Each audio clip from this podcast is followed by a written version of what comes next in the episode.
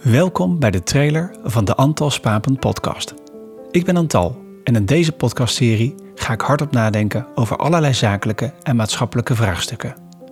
Daarnaast zal ik open en oprechte gesprekken met mijn gasten gaan voeren. Ik vind het daarbij belangrijk om kritische vragen te stellen. Het gaat daarbij niet om het perfecte antwoord te noteren, het gaat erom wat het met jou doet. Jouw visie. Je kunnen verplaatsen in een ander beeld of een andere situatie het verbreden van je horizon, omdat zowel het leven en ondernemen vaak beter, slimmer en mooier kunnen. Is het alleen voor ondernemers? Nee hoor, het gaat verder dan alleen zakelijk. Het gaat ook om jou als persoon.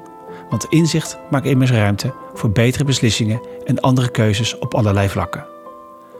Daarbij daag ik jou uit om ook jezelf vaker kritische vragen te stellen, zowel zakelijk als privé, zodat je scherp blijft op wat er gebeurt in de wereld om je heen. Want niets is wat het lijkt en de ontwikkelingen in de wereld gaan nu nog sneller dan ooit tevoren.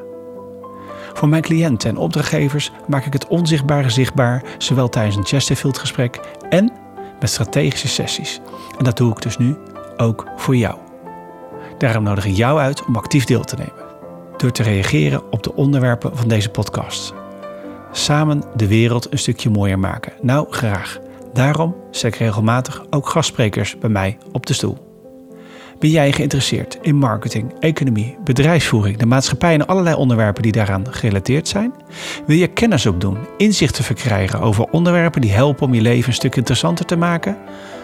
Klik dan op subscribe, zodat je als eerste op de hoogte bent als er een nieuwe podcast uitkomt.